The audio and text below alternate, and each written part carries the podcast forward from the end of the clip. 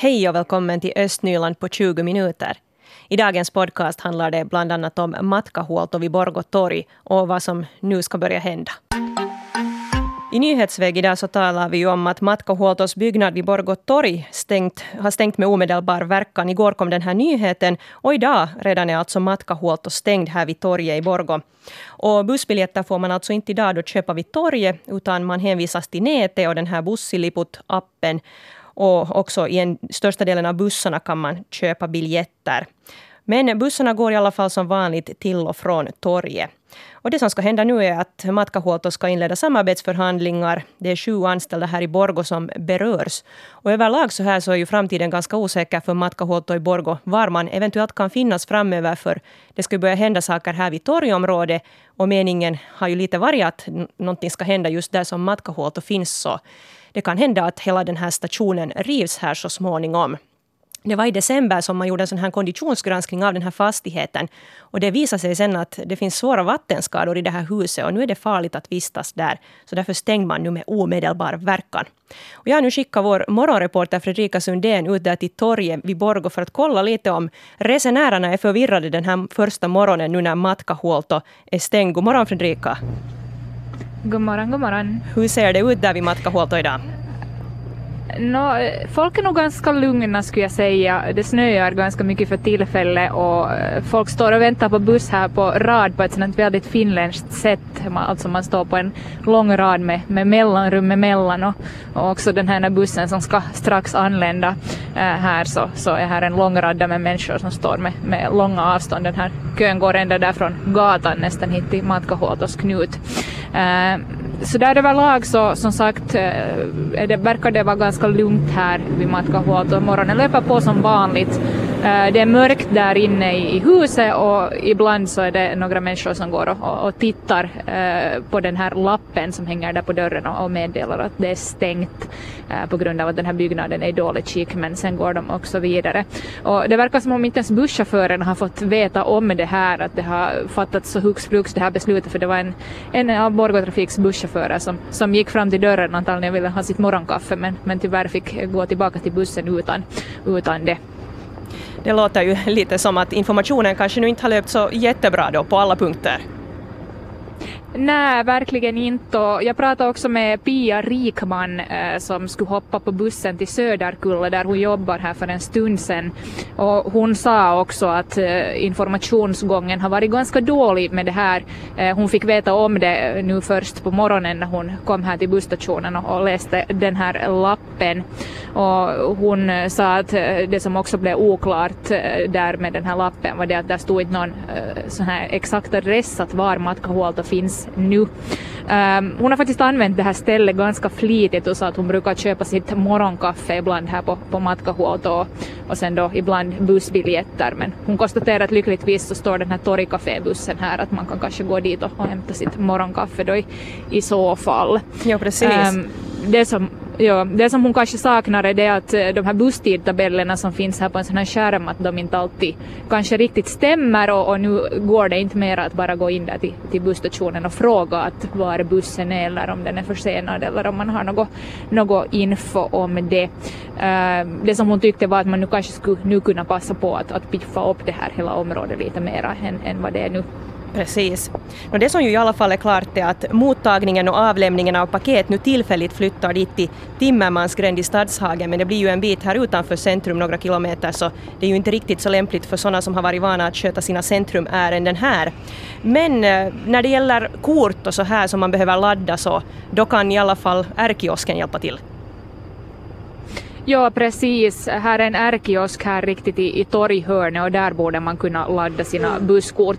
Uh, sen läste jag också på Matkahuoltos webbplats i morse att uh, med vissa undantag så ska man också kunna ladda sina resekort i bussar som accepterar de här Matkahuoltos resekort. Och sen kan man ju förstås då köpa biljetter på nätet och, och, och, så vidare bortåt. Och sen man kanske då om man rör sig i kampen i Helsingfors till exempel och jobbar i Helsingfors och är där i den trakten så kan man ju också passa på att ladda kortet där. Tack för den här rapporten Fredrika Sundén så här på längre sikt vad som ska hända med Matkahuolto här i Borgo så vet man inte riktigt ännu. Det är också aktuellt med samarbetsförhandlingar där gällande personalen. Jag har nu ringt upp Kristel Pynnynen som är vice ordförande i stadsutvecklingsnämnden här i Borgå, SFP-are. God morgon. God morgon. De här vattenskadorna, kom det som en överraskning för dig? Det kom som en total överraskning för mig. Det är ju en privat fastighet och jag har inte överhuvudtaget känt till att den har varit i så dåligt skick som det har visat sig vara. Nu, vad tror du att det betyder nu för kunderna att de här pakettjänsterna till exempel flyttas nu en tre kilometer från centrum? Men det är ju nog alltid jättebeklagligt när det kommer sådana här besked och när de kommer så snabbt att man hinner inte liksom meddela ut om det i god tid.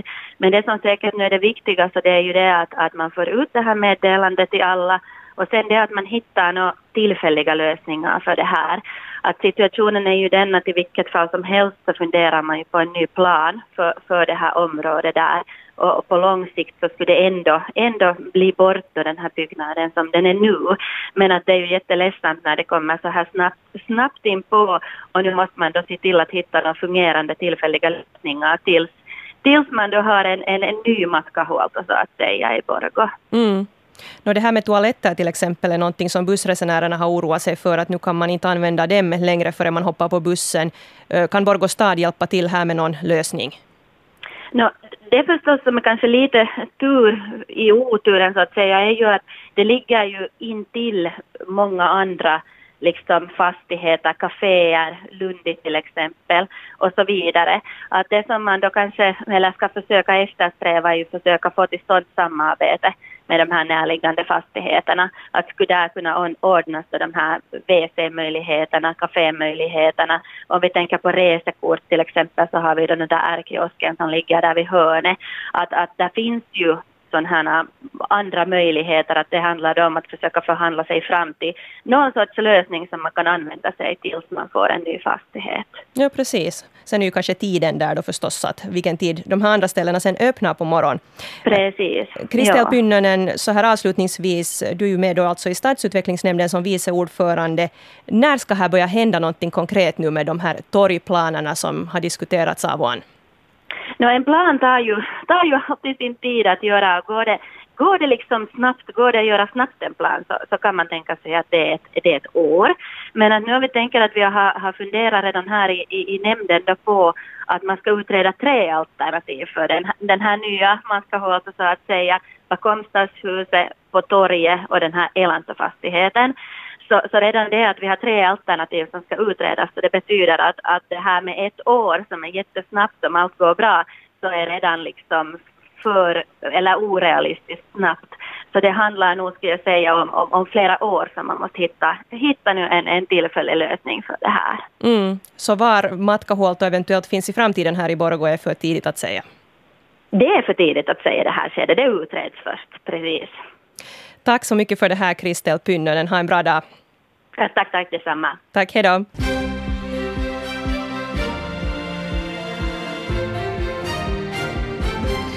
Klockan är halv nio. Jag heter Helena von Aftan. God morgon.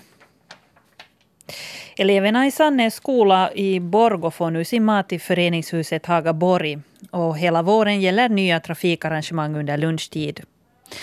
För trafiken längs med Jakaby och Väckjärvyvägen vid skolan betyder det fem rätt korta stopp under lunchtimmen mellan klockan 11 och 12 och hastighetsbegränsningen har också sänkts. Skolan har på grund av utrymmesbrist tvingats förvandla den riktiga matsalen till två klassrum. Och en tillfällig paviljong på skolgården måste nämligen nyligen tas ur bruk. Till Lovisa där staden nu planerar skolskjutsarna för nästa år. I Forsby kommer det att bli ändringar i arrangemangen eftersom Savonlinje meddelat att de drar in sina bussturer. Savonlinjen kör de här turerna ännu under vårterminen men fortsättningen är osäker. Det här betyder att skolskjutsarna i Forsby troligtvis måste konkurrensutsättas. Skolskjutsarna i Lovisa upphandlades i fjol och staden slöt nio kontrakt med olika taxiföretag. I kväll ska Nämnden för fostran och bildning besluta om de här avtalen ska förlängas med ett år. Och i Lovisa föreslår gymnasierektorerna att man kunde grunda ett kursbibliotek för de studerande. Centernpolitikern Kari Hagfors har föreslagit att staden ska betala en större andel av gymnasieelevernas datorkostnader. Idag är de studerandes andel av datorkostnaden 350 euro och i motionen föreslås att studerandes andel av kostnaden sänks till 200 euro. Men gymnasierektorernas motförslag är att använda motsvarande summa till att köpa kursböcker istället. Och Matkahuolto på Borgå torg stänger idag eftersom stationsbyggnaden är svårt vattenskadad och olämplig att vistas i. Från och med imorgon sker mottagningen och avlämningen av paketförsändelser på Timmermansgränd 9 i Stadshagen. Och nu letar Matkahuolto efter en plats i Borgå centrum där de kunde sälja sina bussbiljetter. Tills dess går det att köpa Matkahuoltos bussbiljetter på nätet eller via mobilapplikationen Bussiliput. Matkahuolto inleder nu samarbetsförhandlingar som gäller alla sju anställda i Borgå. Herrgården Malmgård från Pärno i Lovisa, de har varit och marknadsfört sig nu, sig nu på världens största matmässa. Det är alltså den här Grüne Woche som ordnades i Berlin i Tyskland och den pågick i tio dagar. Och den här matmässan avslutades i söndags och det var ju många olika finländska företag då med där och presenterade sig. Jag har nu här greve Henrik Kreutz i studion som äger Malmgård. Han kom hem från Tyskland i natt faktiskt och har nu kommit hit. Välkommen och god morgon. God morgon, god morgon. Är du lite trött efter resan?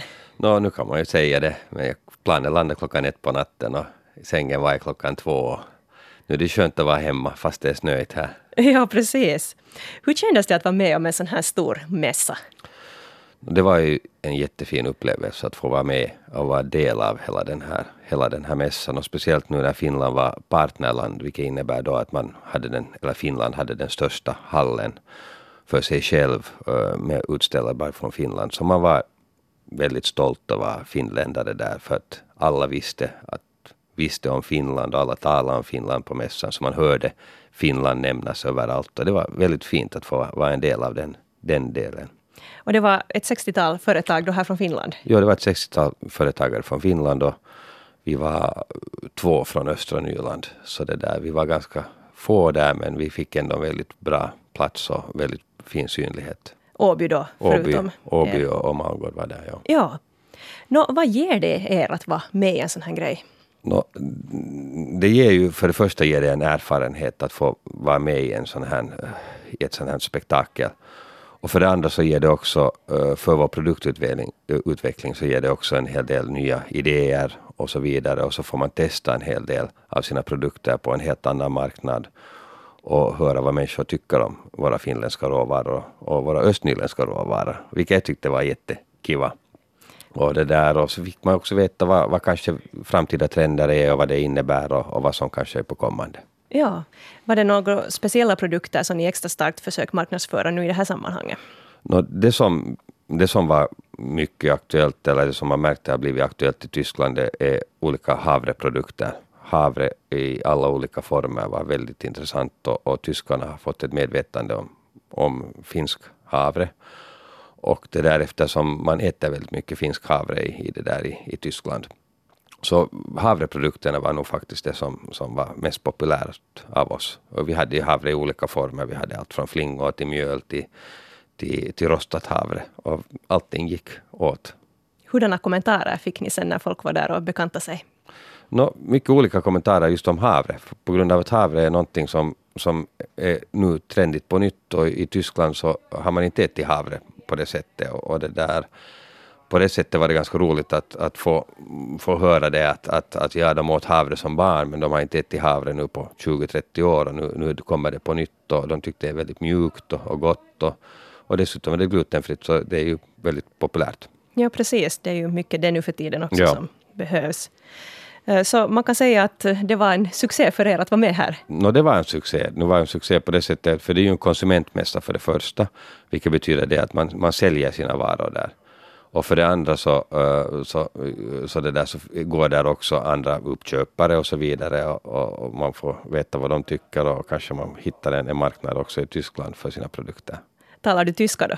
Jag talar tyska och den blev ju bättre och bättre för varje dag där och, och det där eh, och till slut så tyckte jag att jag det gick riktigt flitigt. Jag talade nog första, första dagen rent tyska. Man måste ju tala tyska i Tyskland. Tyskarna tycker om att man talar tyska fast de är språkbegåvade på på många sätt, men det där tyskar ska bli betjänade på tyska. Ja, precis. Du nämnde här Henrik att det var första gången nu som en organisation från ett land ordnade den här grejen och inte staten. Jo, det var ju egentligen initiativet för den här eh, Finlands deltagande kom från MTK och SLC. Och det var de som egentligen byggde upp hela den här organisationen. Vilket är ovanligt har jag förstått i det här fallet i, för Grüne Woche. Vanligtvis är det en stat som är bakom det och, och det är ministerier och så vidare. Och den här gången var det, kom initiativ från en organisation vilket jag tycker var jättefint. Och det uppskattades också märkte jag bland de här andra deltagarländerna att, att initiativen kan komma också från annat håll än, än alltid från ministerier. Och, och det där dessutom var ju Finland det första gången liksom ett nordiskt land var, var partnerland där. Så det var ju extra, en extra fjäder i hatten för Finland på det sättet också. Mm. Hur ofta deltar de Malmgård i sådana här mässor för att marknadsföra sig? No, vi har ju deltagit i Grüne har vi deltagit två gånger tidigare. Eh, men inte på samma, samma nivå som den här gången. Eh, vi deltar nog i, i mässor också i Finland. Det är ett sätt att få sina produkter helt enkelt ut och, och, och marknadsföra det. Och det är ett bra sätt att nå både konsumenter och, branschfolk. Mm. Så mässorna är ändå en viktig del för er i er verksamhet? Det är en viktig del i verksamheten. Uh, delvis är det ju också för, uh, för de här produkterna, men också en annan produkt som vi också marknadsför på de här mässorna är, är, är, är matturismen. Uh, vilket är kanske lite osynligt på det sättet. Man vet inte när det ger resultat och hur det ger resultat. Men om man mitt i allt har massor med tyskar som kommer till Malmgård så märker man att det har gett någon slags frukt. Ja, precis. Nå, jag läste här i tidningen att ert bryggeri firar tioårsjubileum i år. Ja, Mangos bryggeri fyllde tio år i år och Mangos bryggeri var ju också representerat på, på mässan eh, med ett eget stånd där också, vilket det där. Och där gick ju ölerna åt också väldigt flitigt och jag tror att uh, kunskapen där om de här forntida spannmålen eh, gjorde också, gav också ett intresse för, för de här ölen som är gjorda på MR och på på, på spält. Och de produkterna hade vi också med som, som, vet du, som, som uh, flingor och, och, som, och så vidare. Att, att, ja. att det fanns en, en helhet där som varifrån råvarorna kommer och vad man kan göra med råvarorna. Precis. Öl går bra hem hos tyskarna. Öl går bra, bra hem hos tyskarna. Man brukar skämta ibland om sånt här, att, att det är som att ta sand till Sahara men, och som att ta öl till Tyskland. Men, men tyskarna är väldigt intresserade av olika öl. Ja. Nå, det där, hur har det annars så här påverkat er omsättning, det här med den här nya alkohollagen i fjol och det att man får sälja starkare öl i, i butiker här nu i Finland? No, egentligen har det inte påverkat äh, gårdsförsäljningen egentligen någonting eftersom äh, det bryggs ändå äh, så pass mycket öl på, på Malmgård att, att man går över den där 500, äh, 500 000 liters gränsen vilket gör att man inte får sälja direkt från bryggeriet. Och i gårdsbutiken som är vilken vanlig butik som helst så får man ändå inte sälja starkare öl än 5,5 procent i öl. Men man får smaka på alla öl nog i, i, på Malmgård, det kan man göra. Men inte ta hem. Mm. No, det här med ekologiskt är ju någonting jag satsar hårt på och det uppskattades också i Tyskland, sa du, där man mm. är inne för det här med ekologiskt. Ja. Vad har ni annat på gång nu för utvecklingsprojekt? No, det finns ett x antal uh, spannmål Ehm, och det där, eh, och, men man kan göra väldigt många olika kombinationer av det. finns otroligt många olika kombinationer och man kan till exempel man kan till exempel rosta till exempel havre och så kan man sätta det i en kvarn och så blir det som en krydda till exempel. Och, och sådana saker så har vi utvecklat. Det kommer hela tiden nya produkter, som man, hur man utvecklar de här produkterna på olika sätt. Och man märker att, att eh, till exempel rostat havre, om man sätter det på på en havre, uh, havregröt så blir det väldigt gott. Det är ju hundraprocentigt havre ändå men det blir en, liksom två olika sorters havre i samma, i sam, på samma tallrik och det, det är gott. Mm, så det är mindre produkter och nya sådana som ni förädlar vidare helt ja, enkelt? Ja, det är en konstant för, vidareförädling av olika produkter. Det, nu kommer det ju också sådana nya, ny, nya, väldigt gamla uh, forntida spannmål, till exempel enkorn kommer också i framtiden vi har på Malmgård och, och sånt Så det kommer nog också sådana saker också. Så vi får se. Mycket spännande på gång och nu ska du åka iväg efter den här intervjun till Malmgård. Ja, det blir, det blir skönt att, att komma hem på det sättet och se hur mycket snö det har kommit där på gårdsplanen. Man får kanske börja ploga upp lite vägar där. Tack Henrik Krötz för att du kom hit idag. Tack så mycket. Östnyland på 20 minuter är en svenska YLE-podcast. Det finns flera poddar på arenan. Jag heter Katarina Lind. Tack så mycket för sällskapet. Vi hörs igen.